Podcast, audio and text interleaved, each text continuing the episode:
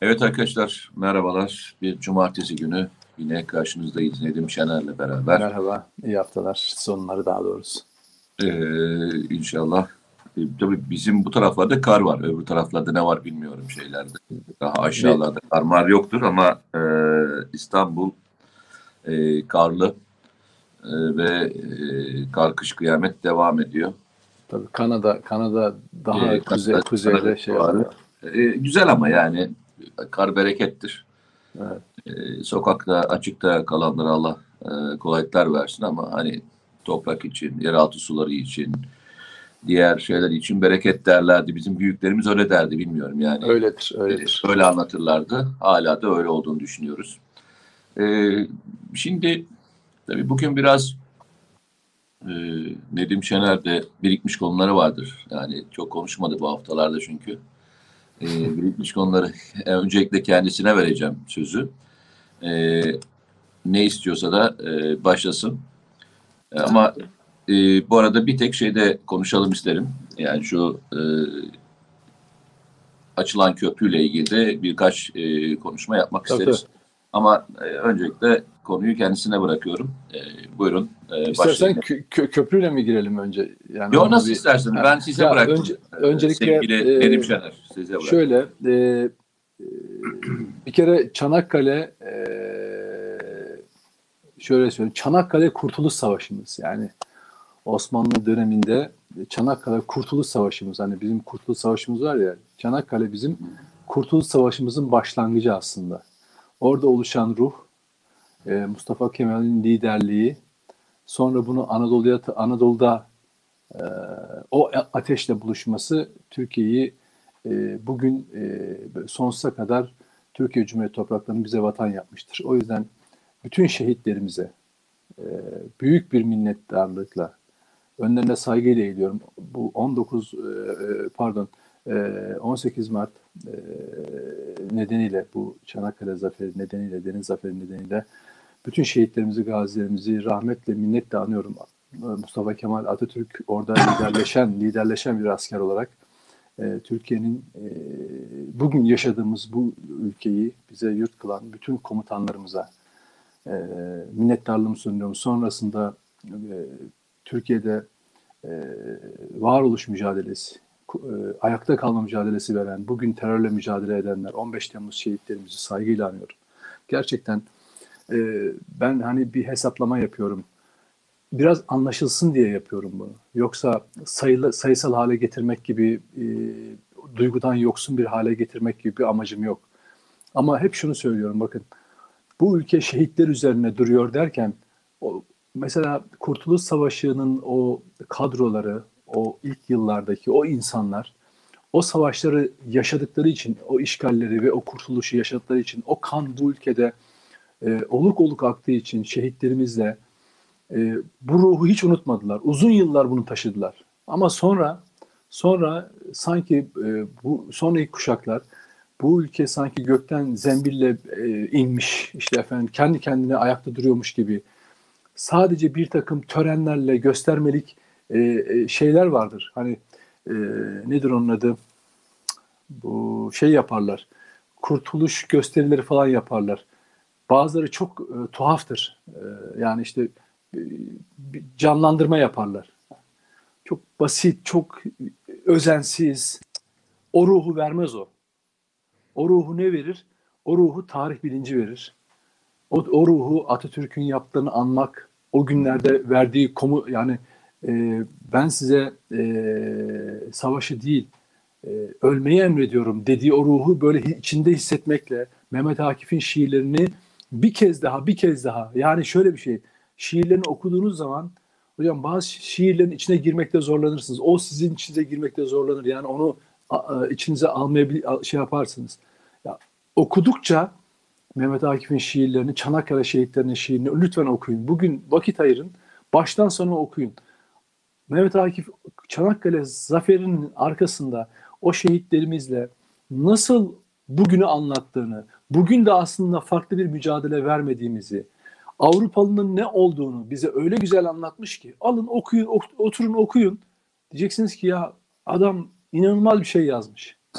Ve o sizi öyle bir sarmal içine alıyor ki o duygu yoğunluğu içinde kaybolup gidiyorsunuz. Yani kendinizi bir anda Gelibolu'da bulursunuz. Yani o şiiri okuduğunuz zaman. O yüzden e, o ruhu yaşamak çok önemli ve o ruha uygun bir süreçten geçiyoruz. E, emperyalist ülkeler, işgalci ülkeler aşağımızda, yukarımızda, güneyimizde, kuzeyimizde olan bitenleri çok güzel tarif etmiş. Ya Kanada'yı tarif etmiş. İşte efendim emperyalist ülkeleri ta- tarif etmiş. İşte efendim başka ülkelerden gelenler savaşacak, savaşanlardan bahsetmiş. Ya bugün anlatmış ya. Yani bugün yaşadığımız savaşı. Çünkü niye? Emperyalizmin mantığı ve şey değişmiyor. E, yöntemleri değişmiyor. Hep sömürü ve kullandığı araçlar da fark etmiyor. İçeride de aynı şekilde kullandığı araçlar fark etmiyor. O yüzden gerçekten çok önemli günlerden geçiyoruz ve dolayısıyla bugün e, e, bu, bu anlamlı günde de Çanakkale Köprüsü'nün açılması gerçekten farklı. Elbette eleştirenler olacak. Öyle çok fazla olmasa da e, yadırgayanlar olacak. Geçmeyenler olacak. Köprünün üzerinden geçmeyenler olacak. Tepki gösterenler olacak falan. E, matematik matematik oyunlarıyla bir takım şeyler anlatmaya çalışanlar olacak. Ama onun nasıl bir anlam taşıdığını ileriki yıllarda çok daha iyi anlayacak insanlar. Elbette e, maliyet hesapları yapmak, e, kamu e, yararını öncellemek çok önemli şeyler.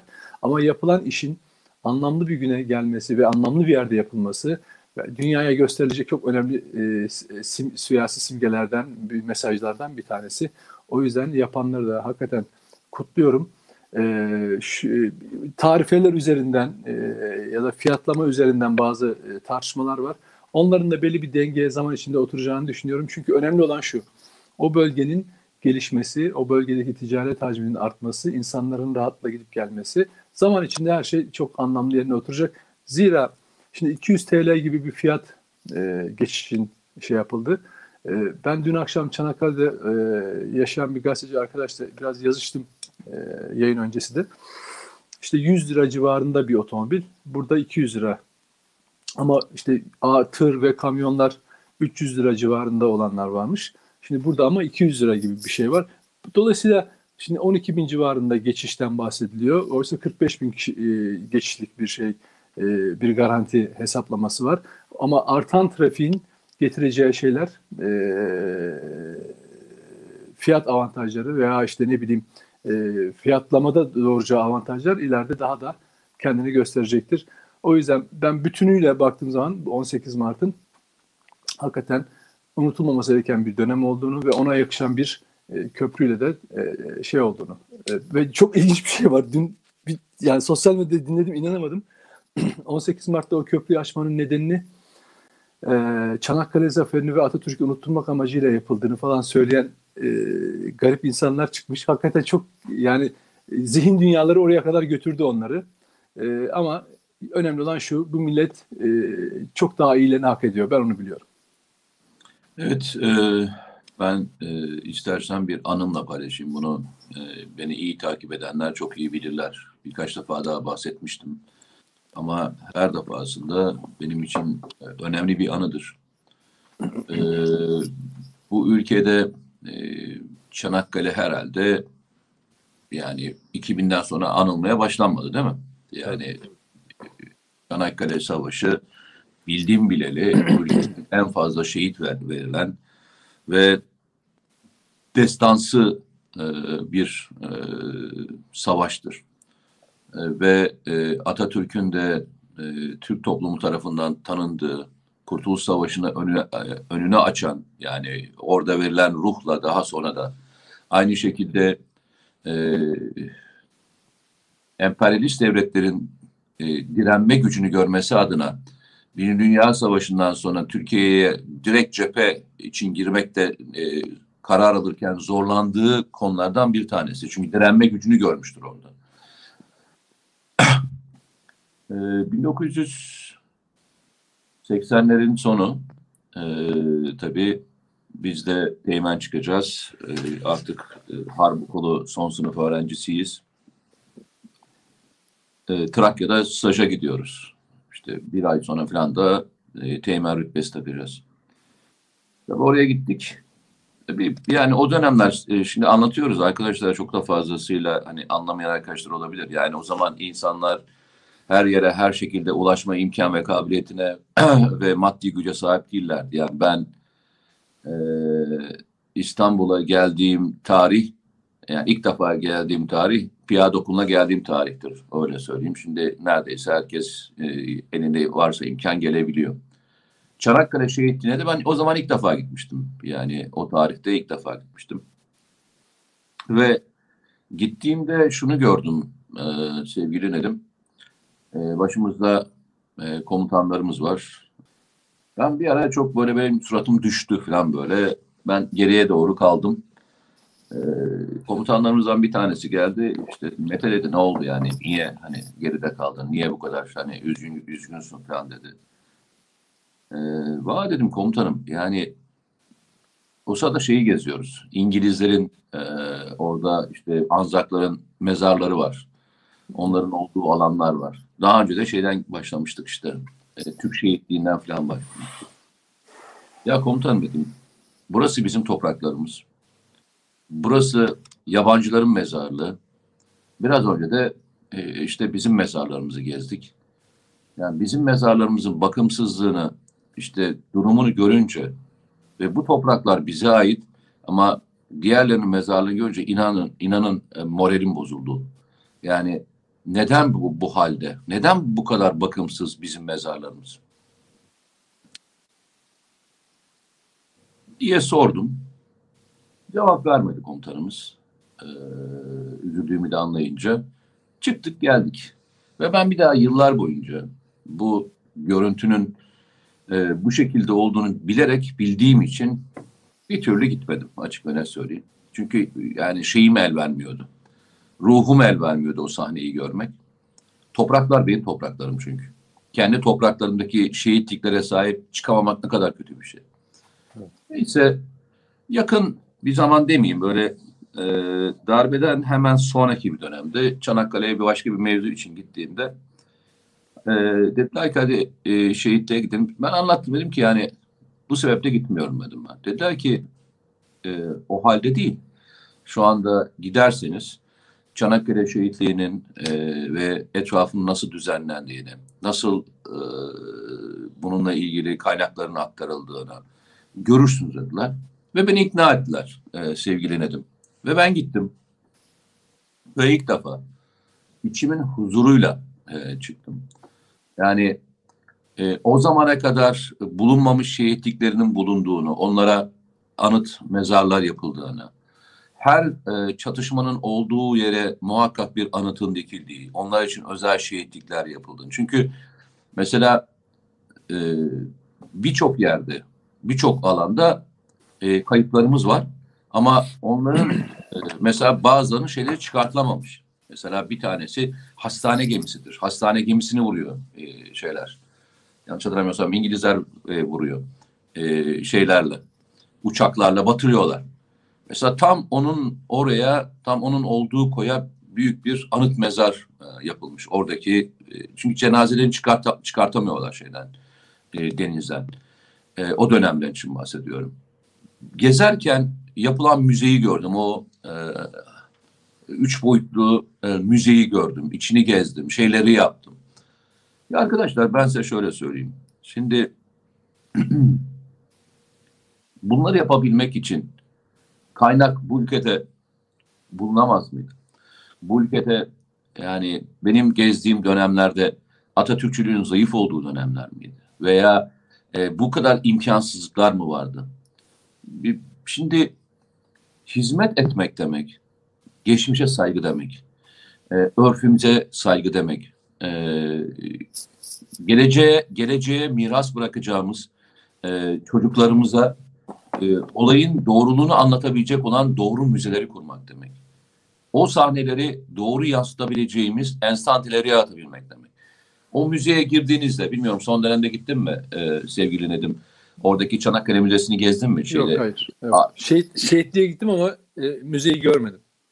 Çok da e, düzgün bir müze müdürü hanımefendi vardı yanlış hatırlamıyorsam geçen sefer gittiğimde.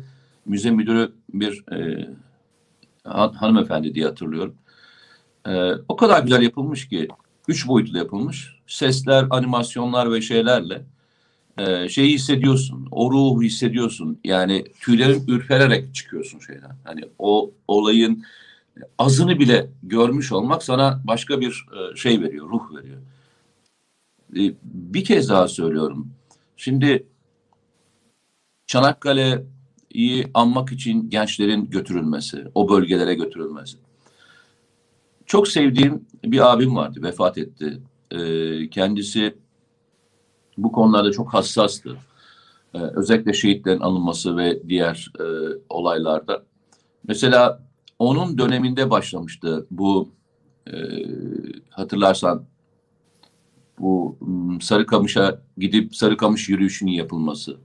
Arkasından işte e, Anzak koyuna e, o yürüyüşün yapılması.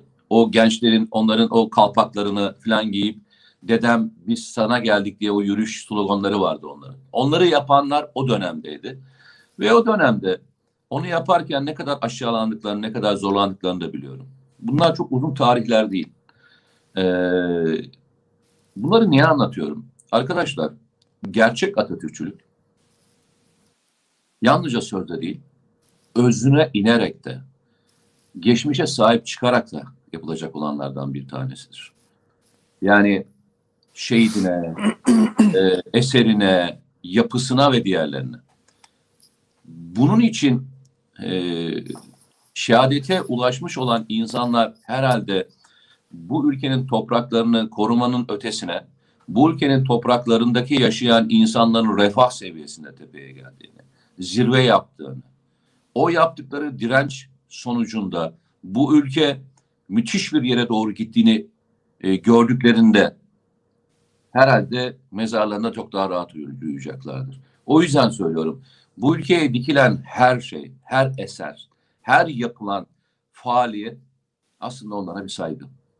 Biz bu ülkeyi bize bıraktıkları o bayrağı ne kadar ileri götürebilirsek o kadar müthiş işler başaracağız. Benim için şeyin tartışması farklı bir kavram. Verilen işte e, garanti ücreti, yapısı, Arkadaşlar bunu tartışırsınız, bunun mahkemesinde yaşarsınız. İktidar değişirse geldiğinde soruşturmasını da yaparsınız. İptal de edersiniz. Ne yaparsanız yaparsınız. Yani varsa hukuksal durum yaparsınız. Hukuksal durumun tartışması başka bir şey. Hizmetin veya yapılan eserin yok sayılması başka bir şey. Başından beri söylediğimiz işte Türk savunma sanayine bazılarının tavırlarından tutun da Türk ekonomisine yapılan haksızlıklara kadar, Türk tarım sektörüne yapılan haksızlıklara kadar onlarca haksızlığı konuşabiliriz. Yani yok sayılan, sanki bu ülke hiçbir şey yapmıyor, üretmiyor mevzusuna gelinceye kadar farklı bir durumdayız. Şimdi e, Türkiye'nin özellikle ulaşım sektöründe geldiği noktayı hepimiz görüyoruz. Şimdi diyeceksiniz ki yani herkes o köprüden geçebilir mi? Arkadaşlar ben size şöyle söyleyeyim. Şimdi otobandaki e, sayının artmış olması normal yollardaki trafiğin sayısını düz, e, düşürüyor. Yani eskiden örnek vereyim. Balıkesir'den e, Bursa'ya veya Bursa'dan Balıkesir'e gelmek gerçekten bir işkenceydi. O ara e, belli saatlerde ve belli zamanlarda e, saatlerce tıkanan bir yoldu. Bir otoban var. Otobana girmek isteyen otobana giriyor. Öbür tarafta normal akışına, seyir akışına ulaştı. Avrasya Tüneli. Avrasya Tüneli'ne girersiniz, girmezsiniz. Ama Avrasya Tüneli İstanbul trafiğinin belli bir yüzdesini kendisine çekiyor.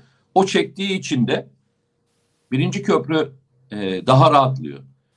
İkinci köprü, üçüncü köprü çektiği için e, ikinci köprü biraz daha geçilebilir hale geliyor.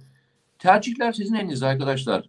Yani isterseniz feribotla geçersiniz, isterseniz e, geçmezsiniz, isterseniz köprüden geçersiniz. Alternatifler size sunulmuş şekilde bu alternatiflerden bir tanesini yapabilmek. Ha, garanti kapsamına gelince işte demin dedim onu. Demin söylediğim şey onu tartışırsınız. Onun fikri olarak mücadelesini yaparsınız. Ama projeleri yok saymak çünkü işte demin sen özellikle söyledin muhtemelen Nedim değil mi? Yani bazıları geçmeyecek dediğin şey e, reddedip e, geçmeyecek. O yüzden adamı da. Yoksa hani e, şey olsun diye geçmemezlik yapmayacak. Yok arkadaş. Ben onu yaptığı hiçbir şeyden geçmem. E, Mevzusundan olacaklardan bahsettiğin için herhalde bunu söylüyorum. Evet evet tabii. Ya şeyden Bu ülkeye bu ülkeye Avra, Avrasya Taş üstü Tüneli'nden taş- geçmeyen var ya.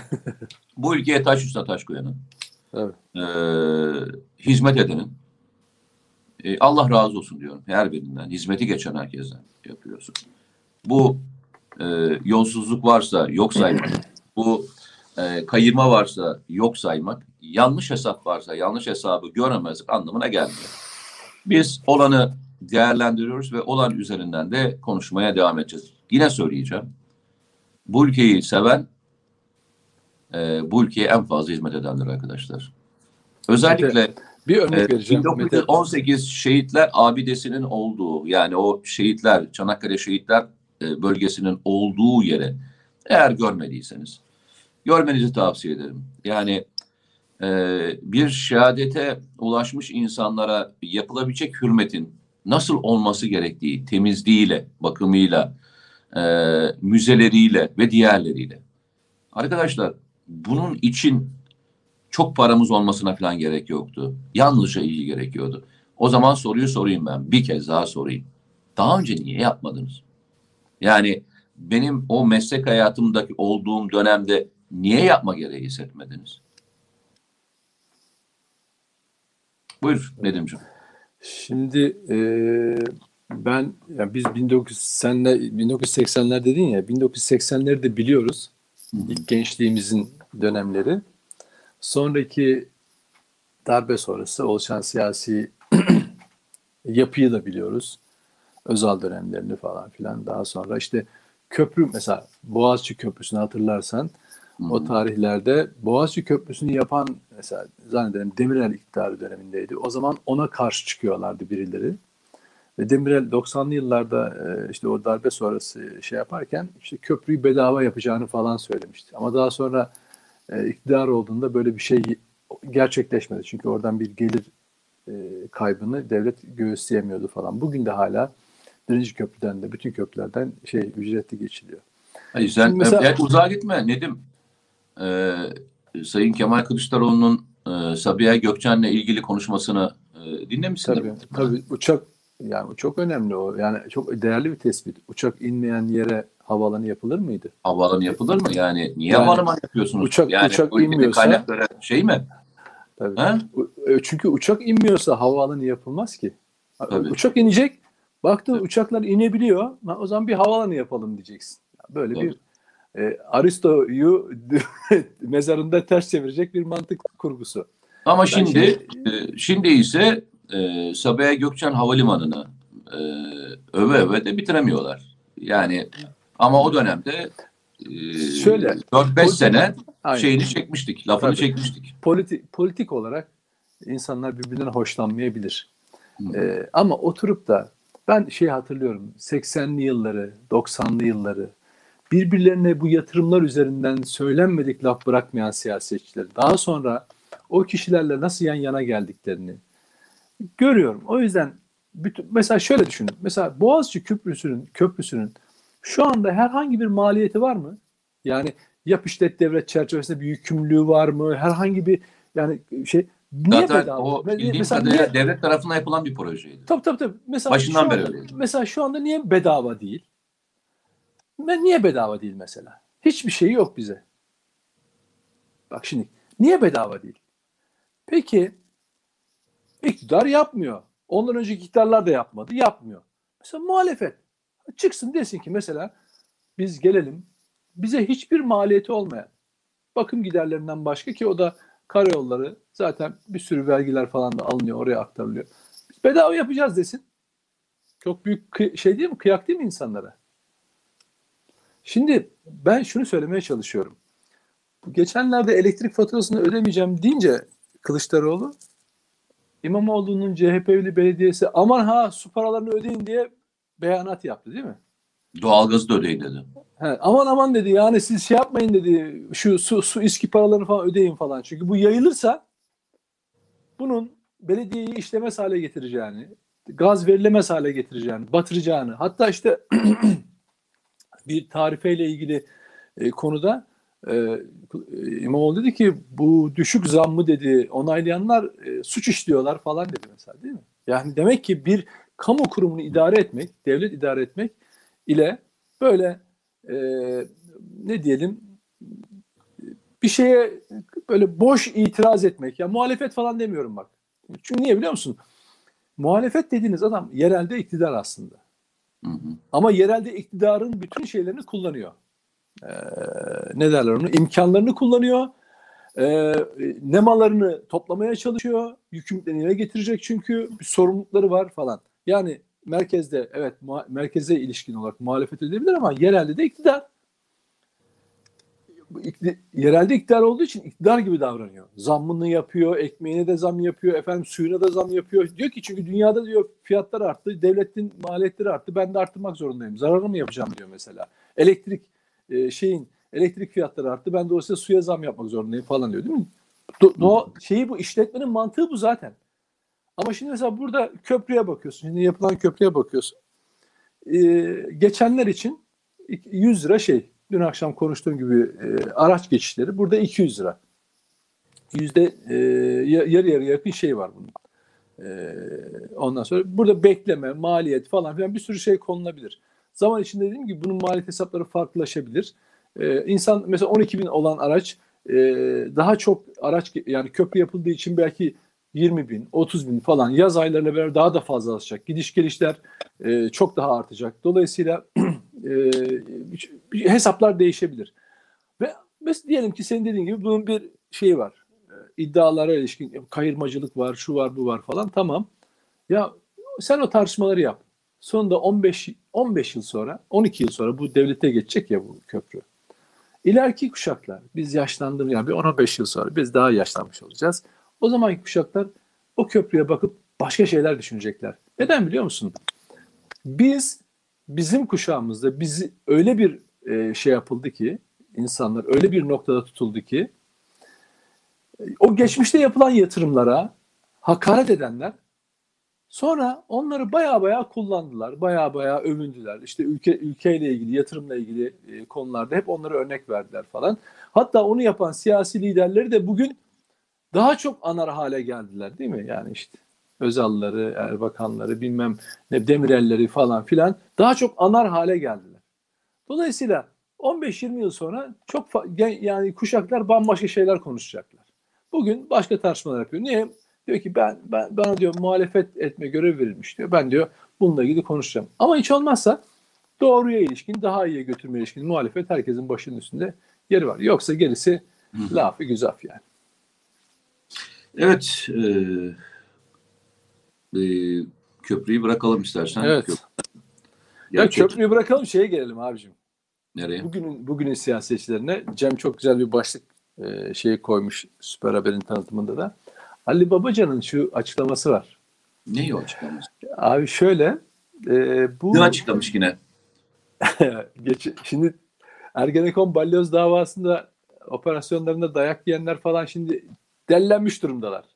Hepimiz yani ben zaten ne olduğunu bildiğim için benim ekstra bir öfke veya kızgınlık belirtisi göstermeme gerek yok. Dalgamı geçiyorum. Neden? Şimdi Ali Babacan biliyorsun CHP ile CHP'nin kurduğu, başını çektiği, İP ile beraber başını çektiği altılı masanın bir parçası değil mi kardeşim?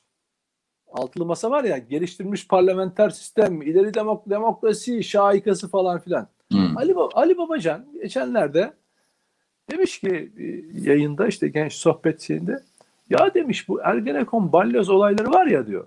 İşte o biliyorsun o, o dönemler e, şöyle bir açıklaması var onun. Bu balyozda komutanlar alınınca İbrahim Fırtınalar falan işte diyorlar ki ya bunlar da alındı bu olur mu falan filan. Temizlik yapılırken toz kalkar diyor yani. Biraz diyor ortalığın bulanması normaldir falan diyor tamam mı? Full gaz, full destek veriyor. Adamda hiç değişiklik yok kumpasçı kafası, FETÖ'nün kumpasçı kafası aynen Ali Babacan'ın söylemine oturmuş. Adam gelmiş 2022'de diyor ki Ergenekon balyoz davalarını FETÖ'cüler yaptı. Bunlar e, kumpas diyorsunuz ama e, onlar yaptı diye bunlar da yargılanan herkes de masum değil yani kusura bakmayın diyor. bağımsız yargının diyor denetiminden bir geçmeli falan filan diyor tamam mı?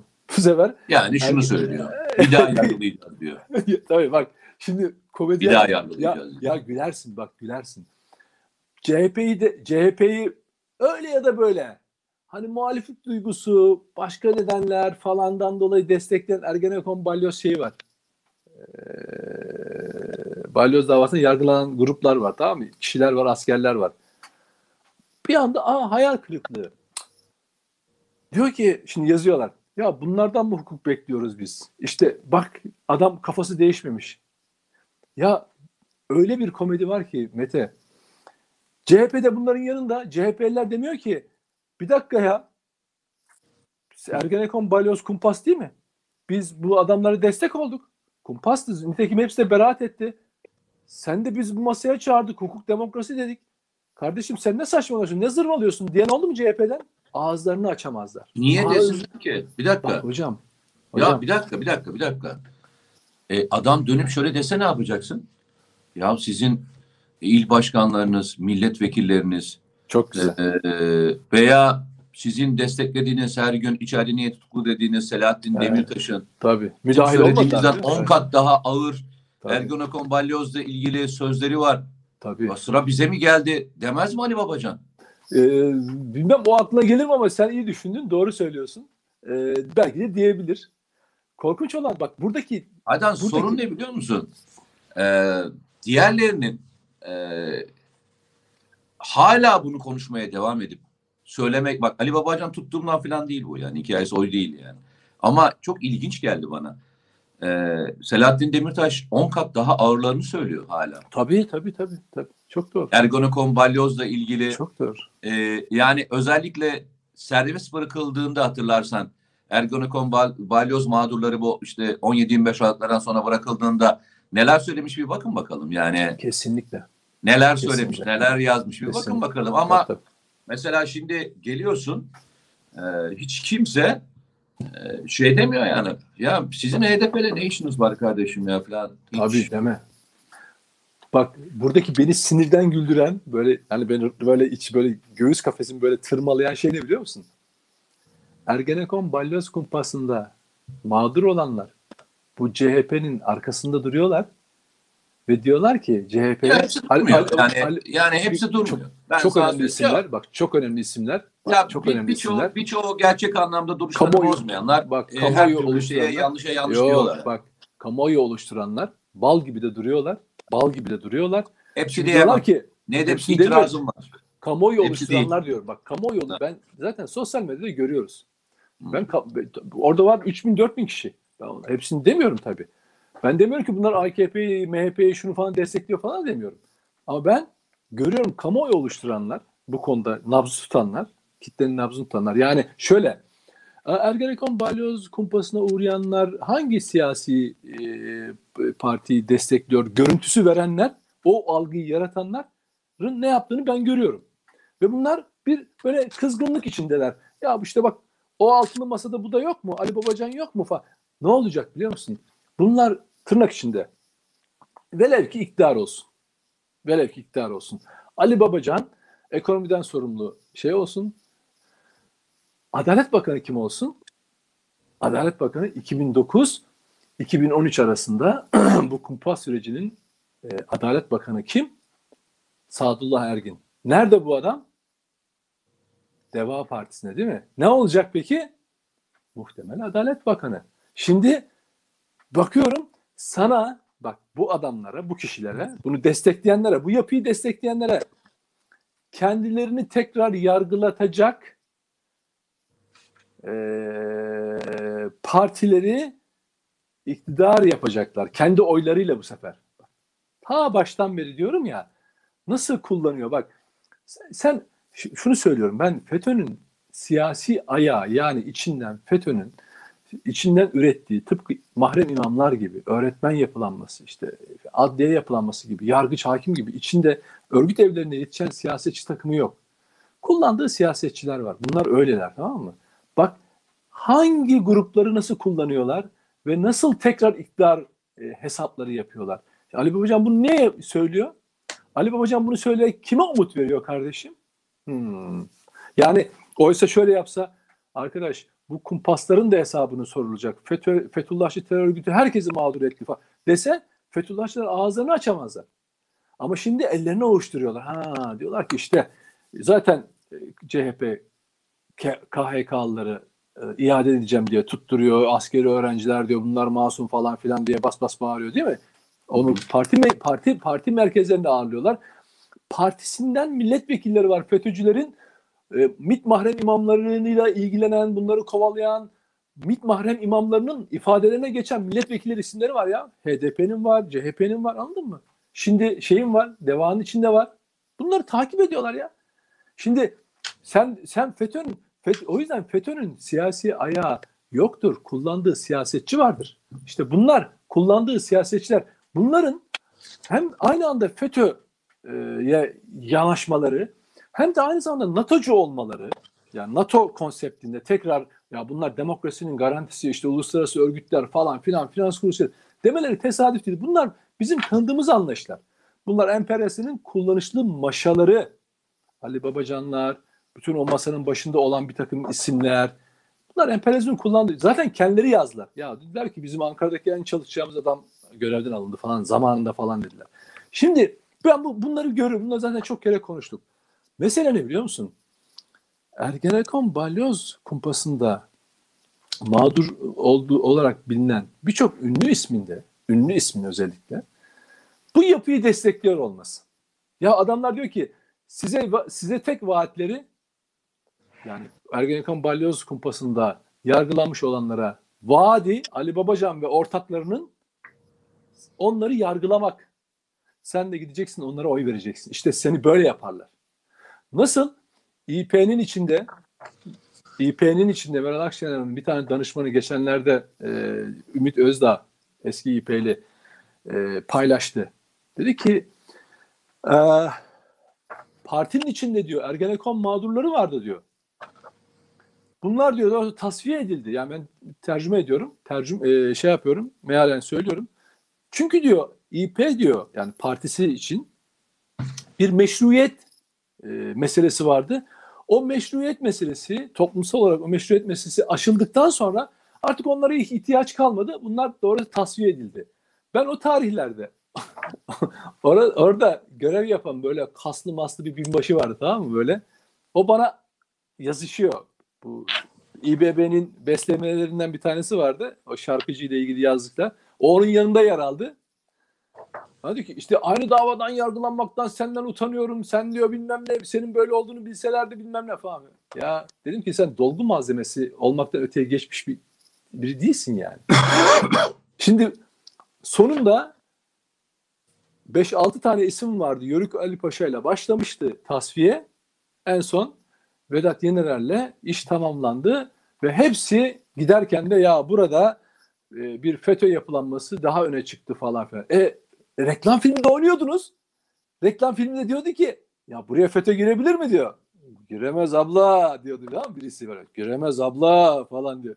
öyle bir girer ki öyle bir kullanırlar ki seni de ona kala kalırsın ortada. Ama dersin ki ya ne oldu falan filan diyor. Tamam mı? Ya FETÖ girebilir mi? Giremez abla falan der. Girer biz varız abla falan diye. E sen, sen de seni de gönderirler. FETÖ de girer. Dolayısıyla bizim bu yaşadığımız mesele ne biliyor musun? Bütün onlar yani ben FETÖ'nün ona e, onunla işbirliği yapacak olanların mantığını biliyoruz. Çünkü bunu AKP döneminden deneyimledik zaten. Biz bunu yaşadık abi. Yani o, o, o süreçteki bütün küresel aktörler, FETÖ'cüsü, HDP'si, PKK'sı her ne varsa nasıl davranırlarsa onlarda hiçbir şey yok. Anormallik yok bana göre. Onlar görevlerini yapıyorlar. Ben bu süreçte dayak yemiş olanlar hala nasıl birer kullanışlı mağdur olarak ortaya çıktıklarını ve bugün böyle tweetler yazıyorlar artık biliyor musun? Yani diyor ki Ali Babacan şöyle demiş ya Ali Babacan şu açıklamayı yapana kadar yani yeniden yargılanmalı bunlar bu süreçler falan diyene kadar ne olduğunu bilmiyor muydunuz kardeşim? Ha diyordu ki biliyorlardı da ya susalım abi önemli olan şu altılı masa bir yürüsün. Şu adamları şu Millet İttifakı şey Cumhur İttifakı'nı bir devirsin. Nefretten çünkü şey olmuş durumdalar ya. Yani bir devirsin. Sonra bakarız. Öyle yazıyor. İP'li birisi öyle yazıyordu. Biz diyor aramızdaki tartışmaları sonra yaparız diyor. Yani önce diyor şey hedefimizi yapalım. Şu şeyi devirelim. Mesela Erdoğan devirelim ondan sonra biz kendi içimizdeki tartışmaları yaparız diyordu. Şimdi oraya götürüyorlar. Bunu neyle yapacaklar? İşte Ergenekon balyozda da şey yapanların entelektüel gücü, onların mağduriyetleri. Çünkü çünkü o mağdur insanlar o e, altılı masayı destekleyince o masadakiler diyor ki bak bunlar da bizim yanımızda. Onu kullanıyorlar. Yoksa onlar onları o peki o altılı masa diyelim ki iktidar olduğunda ne yapacaklar? Önce o, ona oy veren, onu destekleyen Ergenekon balyoz mağdurlarını yargılayacaklar. Kaçamayacaklar. Nasıl yapacaklar bunu? Bugünkü yargı falan değil. Ne yapacaklar? KHK ile e, ihraç edilenleri iade edeceğiz lafını niye söylüyorlar? Şimdi Kılıçdaroğlu'nda takla çok. Tamam mı? Yok teröre bulaşmamış olsun, yok bilmem hakkında soruşturma olmamış olsun, yok işte dava açılmamış olsun falan. Bunlar bir sürü taklalar atıyorlar tamam mı? Bunu. Ama velev ki iktidar olduğunda o güce eriştiğinde tamamını iade etmemek için herhangi bir engel var mı? Etmek için önde bir engel var mı? Öyle bir anlatırlar ki insanlara öyle bir şey yaparlar ki sen bir süre sonra Ergenekon bütün hepsinin iade edildiğini iade edildiğini kürsülerde takır takır yargıladığını, dosyaları yeniden açtığını görmez misin? Görürsün. Bak şunu söylüyorum. Ben herhangi bir suç varsa kimseyi yargıdan kaybetmiş. Ben, ben kendi adıma söylüyorum. Hiç. Zerre kımıldamam. Varsa bir suç tabii ki yargılansın. Ama kumpas olduğu baştan sona belli olan davaları açıp ben yeniden açmak lazım. Bunu FETÖ'cüler yaptı diye herkese masum yerine konamaz falan lafı ne ne demek abi? Kaldı kaldı FETÖ diyor. FETÖ kaldığı yerden devam edecek. Bu öyle hafif bir laf değil. Bak bu öyle hafif bir laf değil.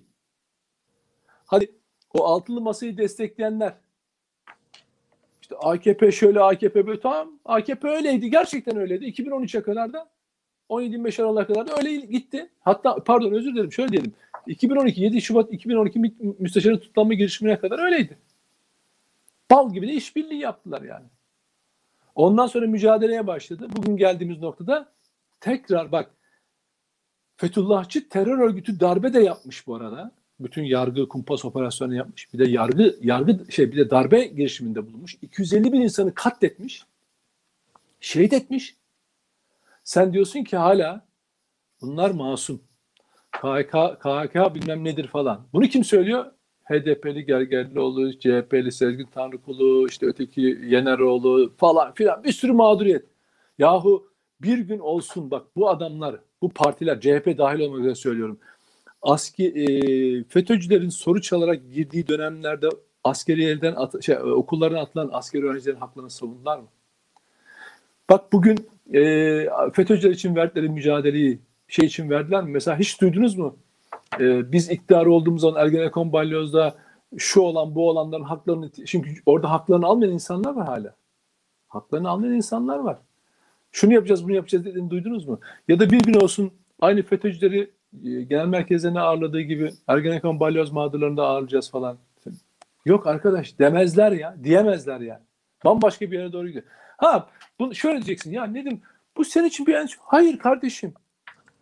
Benim için bir mücadelenin başlangıcı ya. Bak bir mücadelenin başlangıcı öyle en ufak en ufak bak şöyle saçımın teli titremez yani. Hiç öyle hiç rüzgar bile olamazlar bunlar bizim bizim için. Böyle bir şey olasılık var mı? Ben bu millete bak demokrasi çerçevesinde ben bu milletin ne yapacağını ben biliyorum. Bunları unutmaz. Hocam bunları unutmaz. Daha çok e, bu köprünün altından çok sulara geçer. Dolayısıyla e, a, şey ne derler ak koyun kara koyun e, şeyi oyunu ortaya çıkar abi şimdi düşünüyorum. Evet e, sevgili Nedim ben sana şöyle söyleyeyim. Sen diyorsun ki e, yani şuna tepki vermediler mi, buna tepki vermediler mi? E, bu kumpasların içinde yer alan e, onlarca kişi e, kanun hükmünde kararnameyle atıldı biliyorsun. Hı hı, tabii. E, ve yani bir genel başkan ilk yapacağımız iş geldiğimizde şu hareketle aynen. demedi mi? Öyle demedi mi? Aynen, aynen. Aynen hareket buydu. Şu hareketle yapacağız dedi. Ve ben sana şunu söyleyeyim. Ee, sence hangisi daha e, tehlikeli? E, o yüzden şey- hani Ama istersen şu- hiç- şunu söyleyeyim. Şu yani buna şu, hare- şu hareketi yapan da zaten Babacan'dı. yok değildi. Bu, bu, bu, bu Kılıçdaroğlu değildi. Şöyle yaptı. Babacan'dı. Bir- hafta. Yok, bir- hayır. bir- Hemen dedi, hemen dedi ilk yapacağımız iş şey yapmak. birinci demişti. haftasında. Kılıçdaroğlu'nun sözü bir hafta ilk bir haftada yapacağımız işler falan. Ha işte dedi. bir haftada yapacağım demişti. Evet. Yani hemen Ama şeye. şu şu parmak işareti var ya bak iyi hatırlattın o Babacan'ın işareti. Aa öyle mi peki? O Tabii zaman aynen bak çok dedim çok güzel bir yere değindin. Şöyle çok kolay ya o işler falan dedi. Hemen de içeridekileri çıkartacağız falan dedim. Aynen bunu söyledi ya.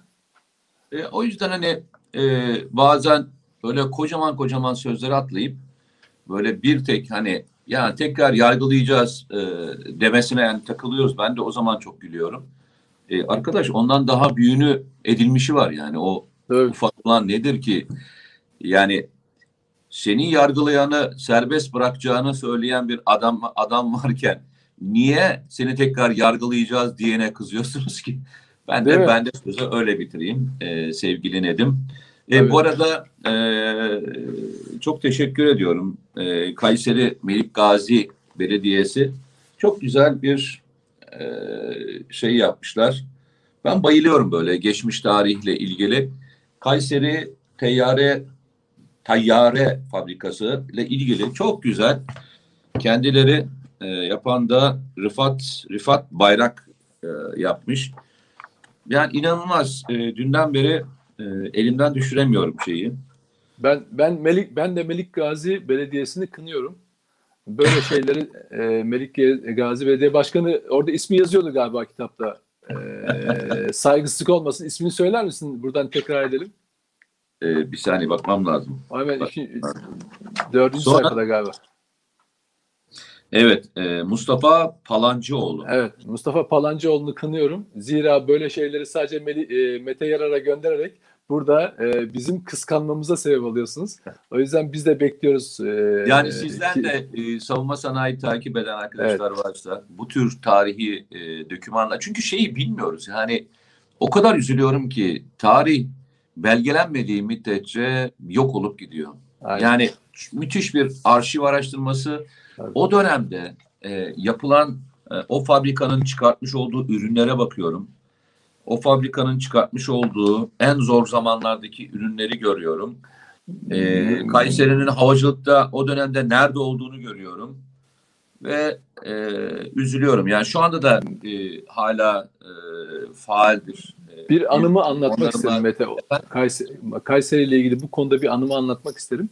Zannederim yıl 1996 olması lazım. Milliyet Gazetesi'nde biz bir yazı dizisi yaptık. Anadolu Aslanları diye.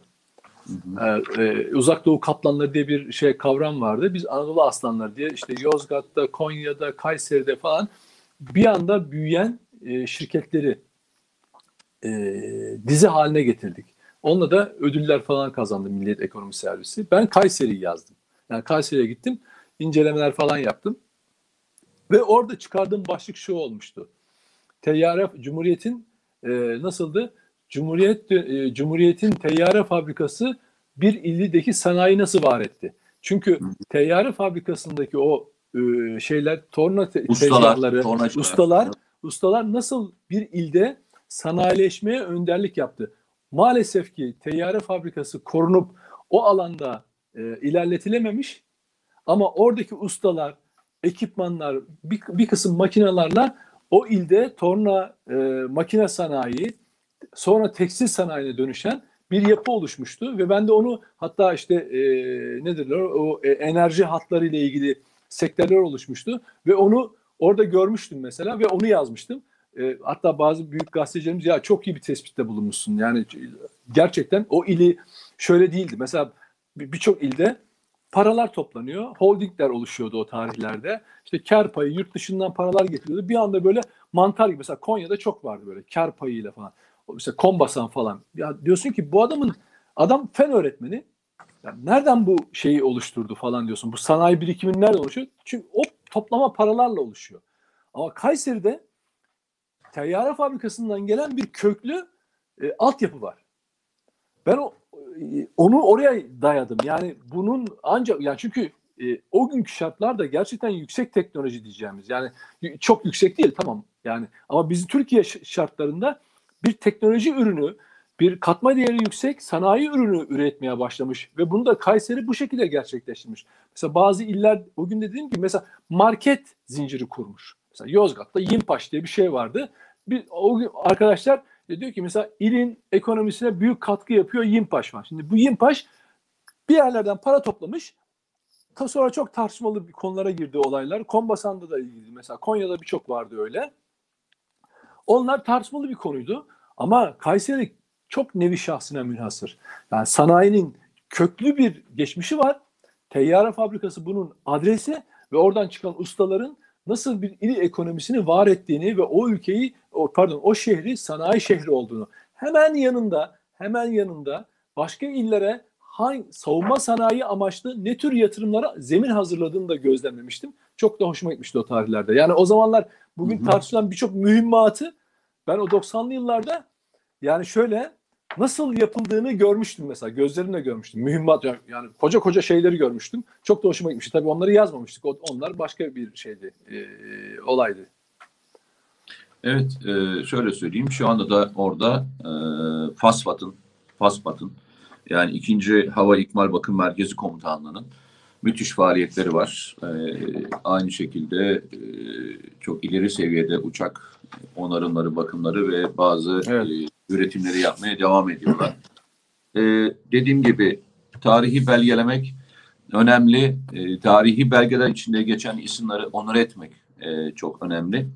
Melik Gazi Belediyesi'ne, belediye başkanına e, bu değerli çalışmaları için, kendi kültürlerini bütün topluma anlatabilmek için, faydalarını gösterebildikleri için tebrik ediyorum. Başarılar diliyorum. Bütün belediyelere de örnek olsun kendi e, şehirlerinde yapacakları kültür faaliyetleri içinde yer almasını tavsiye ediyorum. Ben de ben Evet, de ben de, te- ben de tebrik ediyorum ve kınıyorum aynı zamanda kitabı bana göndermedikleri için. Muhtemelen e, sana en yakın zamanda kitap gelecektir Yok diye. ben bulurum Ya- abi. Yani orada basındaki arkadaşları ararım. e, sipariş veririm. Belediye başkanı oturup benimle mi uğraşacak yani? Olur, uğraşır, uğraşır. Sen uğraşılacak, sen uğraşılacak adamlardansın. Bela olursun diyorsun. Bela olursun çünkü. Evet arkadaşlar kendinize iyi bakın. Allah'a emanet olun. Lütfen hepimiz hep söylüyoruz. Hepimiz sonuçta aynı topraktan besleniyoruz. Bu toprak bize besliyor, doyuruyor, koruyor, kolluyor. Eleştiririz. Farklı siyasi görüşlerden olabiliriz. Ama vatan sevgisini e, hisseden, e, birbirine saygı gösteren herkese bizim de saygımız sonsuz. Önemli olan doğruyu bulabilmek, beraber kardeşçe yaşayabilmek. Kendinize iyi bakın. Allah'a emanet olun. Görüşürüz arkadaşlar sağ olun.